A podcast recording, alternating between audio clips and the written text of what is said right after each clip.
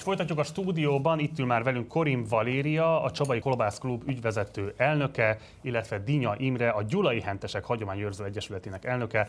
Szervusztok, köszöntelek benneteket az adásban. Jó reggelt kívánok! Jó reggelt Jó kívánok! reggelt, Hát muszáj azzal kezdenünk, ami a kezedben van. Mivel, mivel, mivel készültél a számunkra? Természetesen csabai kolbásszal készültem, az igazi csabai kolbásszal fogyasztátok egészséggel. Hogy ha, ha, ha bekötnék a szemeteket, és vakon kellene megkóstolni azt, ami ott a, készül abban, abból a szatyorból, vagy ezt, akkor biztosan meg tudnátok állapítani, hogy Csabai vagy Gyulai? Természetesen. Természetesen. Meg kell majd mondani, hogy mi a különbség. Igen, mi a különbség? Beszélünk róla majd. És én, itt is én mindenek előtt én azért feladattal is készültem, ugyanis én nem könnyítem meg itt ezt a, a kóstolást annyiba, hogy már kész, konyhakész állapotba hoztam, meg, meg kell dolgozni azért, hogy ezt meg tudjátok kóstolni. Úgyhogy jó étvágyat kívánok mind a kettőhöz. A Penny hihetetlen izgalomba jött, amit azt hiszem lehet értékelni. Igen, ilyen illattal. Jó, kérlek, hogy foglaljátok össze röviden, hogyan kerültetek igazából a húsipar közelébe, milyen módon, mi volt a kapcsolatotok igazából az iparággal? Én igazándiból a Csabai Kolbászklub Egyesület ügyvezető elnöke vagyok. Én nem a húsiparban dolgozom, én ennek az egyesületnek a vezetését vállaltam el, és mi összefogjuk azokat a békés csabai eh, kolbászkészítőket, akik akár hobbi szinten otthon, akár életvitelszerűen kolbászt készítenek, és egy jó hangulatú társaságot hoztunk össze, akik megbeszélik egymással a, a, az ötleteiket, tisztet, eh, tesztelik egymás termékeit, illetve jó, egy kicsit kimozdulnak a napi rutinból, és nálunk jó, kellemes perceket töltenek el kint az Egyesületben. De ennek van valami ö, igazi jelentősége azon túlmenően, hogy érdekes, hogy egy ilyen férfias ö, sportágban egy női elnököt lehet köszönteni ezen a tiszten?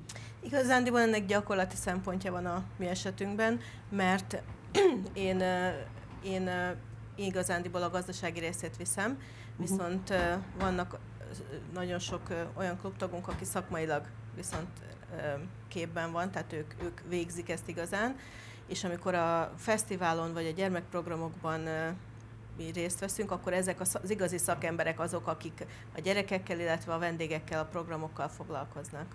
Imre, Nekem van szoros szakmai kötődés, amit nagyon-nagyon-nagyon régen, ez sok évvel ezelőtt, 1984-ben én kitanultam rendes hentes mesterséget, és azóta is üzem kisebb-nagyobb megszakításokkal.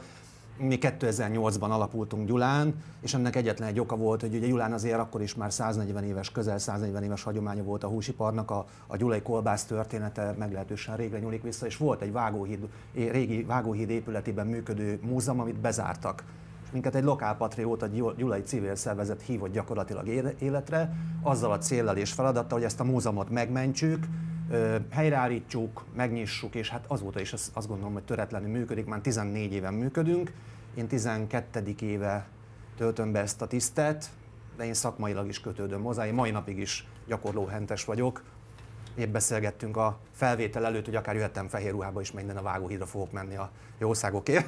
De ugye a múzeumban nem ö, múzeum- egyszer volt kolbászok vannak üveg alatt Nem, lerakva. semmilyen. Gyulai kolbásznak azért meglehetősen nagy írott, dokumentált és eszközbeni gyűjteménye található. 1860-ban épült az a kiáll, az, az épület, amiben mi működünk, és hát ettől a eddig, egészen eddig a korig visszanyúlóan ott mindent meg lehet találni. Írásokat, dokumentumokat, gépeket, eszközöket, egy teljes körű áttekintést az a kiállítás erről a 150 évről.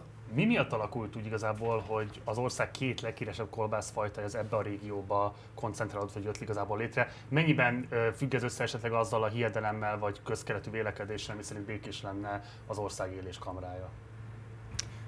Mert ez így is volt. Tehát itt nagyon jó termőterületek vannak, ahol gabonaféléket, kukoricát, búzát, ilyesmit tudtak termelni, és ahol nagyon jó gabona van, ugye ott nagyon jó állatállomány is van, és az országból nagyon sok felé szállítottak innen gabonát, meg sertéseket, és ezért alakult ez így ki, hogy igazándiból itt mi egymás mellett, és nem egymással konkurenciában tudjuk ezt a munkát végezni. Imre, esetleg? Igen, tehát nagyon komoly ugye a háztáji sertéstartásnak, nagyon komoly, az szervesen párosul a mezőgazdasági termék előállítása, a háztáji sertéstartás, és ennek köszönhetően is kezdték el itt fejleszteni, ugye megalakították annak idején a 80-as években a, a húskombinátot, de ezt sokkal-sokkal megelőzően ugye a Stéber András, aki a leghíresebb gyulai kolbász tekintetében, ugye felvidékről lett, érkezett Gyulára, és ő kezdett itt egy egész pici kis vállalkozással kezdte gyakorlatilag egy kis üzlethelyiségben, és onnan ért el a 1900 48-ra odáig, hogy gyakorlatilag a föld összes kontinensére szállította a termékét. Na jó, akkor kérlek, hogy oldjátok fel az alapvető dilemmát, és válaszoljátok az alapvető kérdést. Mik a legfontosabb ismérvei úgy a Csabai, mint a Gyulai kolbásznak? Hát a Csabai kolbásznak legfontosabb ismérve, hogy csípős, és az ömében, ha Csabai kolbászt halljuk, vastag kolbász és sertés kuláréban tölt kuláréba töltik. Ez az igazi. micsoda, bocsáss meg? A sertésnek a bele.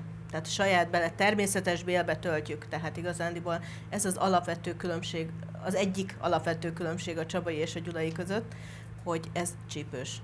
Közel hasonló fűszereket használnak. Gyulán is, Békés Csabán fűszerpaprika, fokhagyma, köménymag, só. Ez a négy fűszer, ami használatos.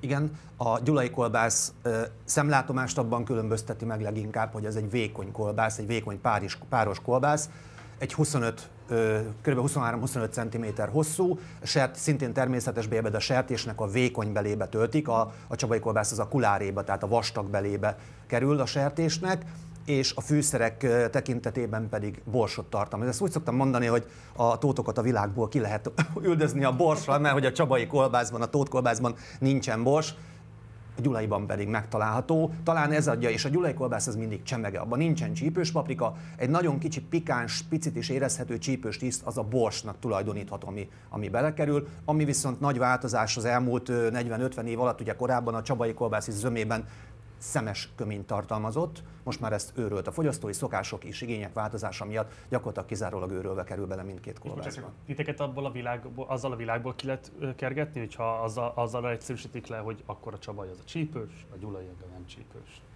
Engem, amivel ki lehet zavarni, azt mondják, hogy szalámi.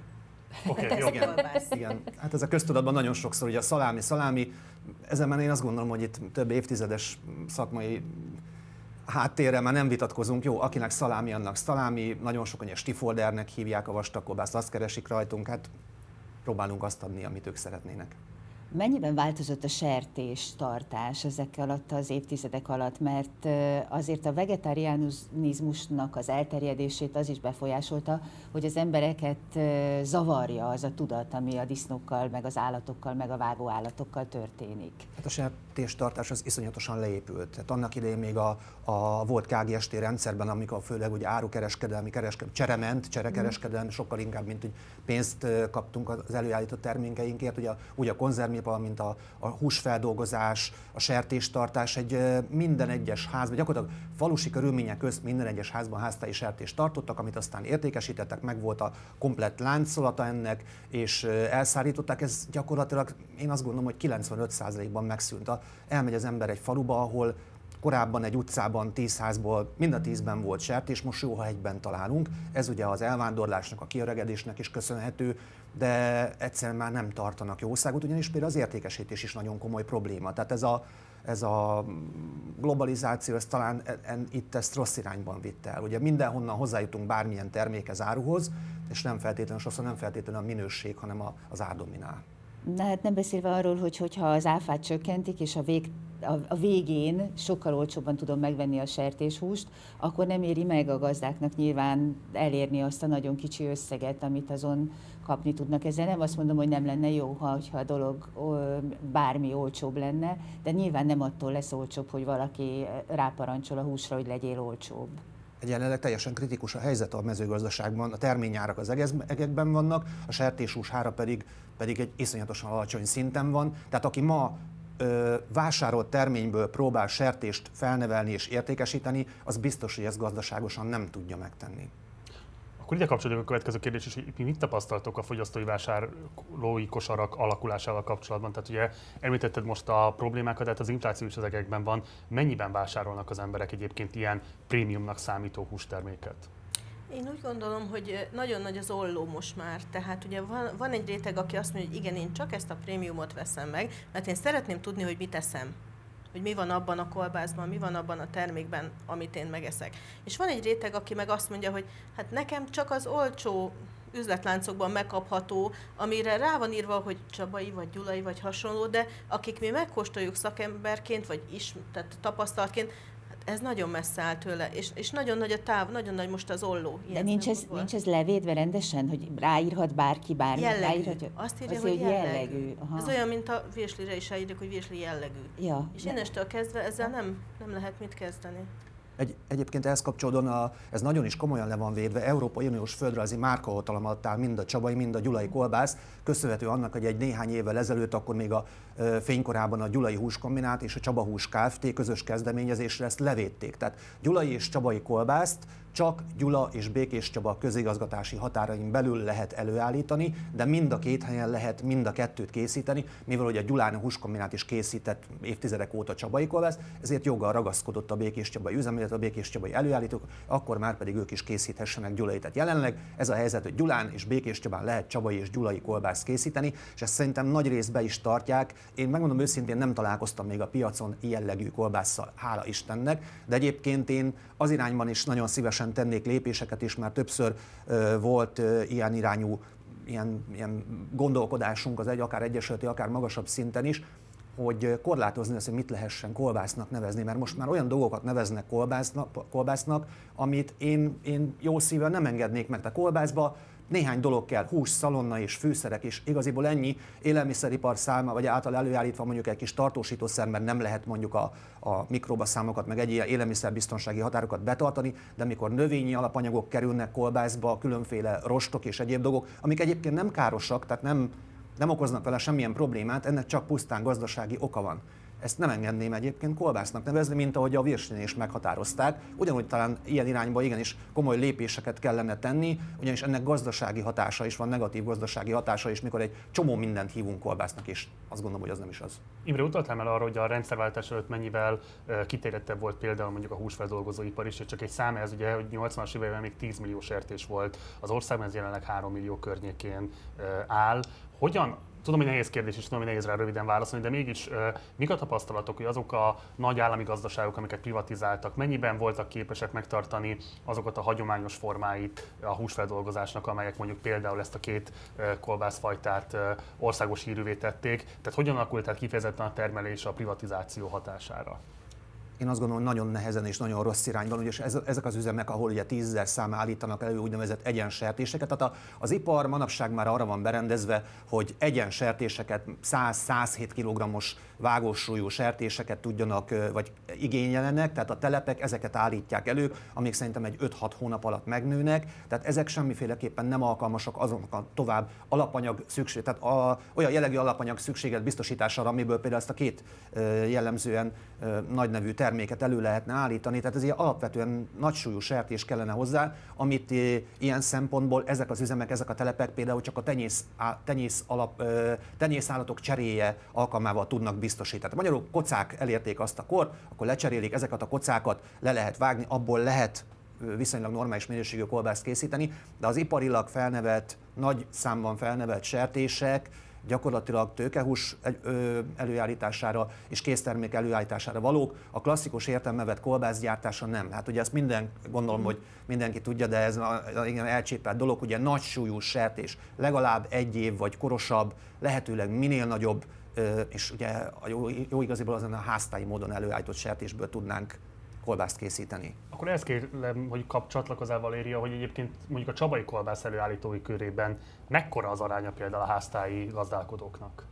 A mi klubtagjainkról tudok igazándiból beszélni. Nálunk több olyan klubtag van, aki saját maga neveli a sertéseket, és azt dolgozza föl. Tehát ő neki van egy, amit ő előállít, ő van egy olyan állománya, amit ahogy Imre is említette, egy évig, másfél évig tart ahhoz, hogy elérje azt a fajta súlyt, azt a, azt a méretet, amiből már egy érett, hú, úgymond érett hús kerül ki, és abból tud ilyen kolbást csinálni. Mi legutóbb egy disznóvágást tartottunk kint a klubban, jött egy két, 260 kilós állat, és gondolkodtunk, hogy hova menjünk még szalonnáért mert ez a nagyüzemi gazdálkodás, amit Imre említett, annyira ráment arra, hogy csak a hús, csak a minél kevesebb szalonna hús, hogy, hogy gondolkodtunk itt a, a, a szakemberek, hogy, hogy mi a túrót fogunk csinálni, hogy nem lesz elég szalonna benne, mert hát nyilván ahhoz, hogy ilyen állag, állaga legyen, ahhoz meg kell lenni legalább 30% szalonnának.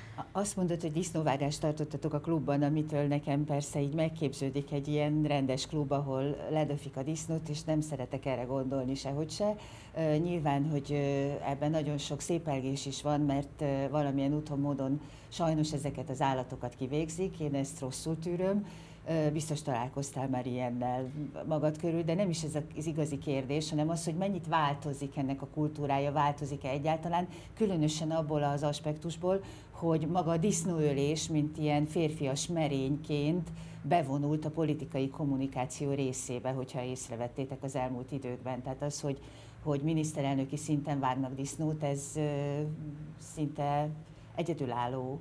El nem tudom elképzelni Angéla Merkelt egy disznóvágáson.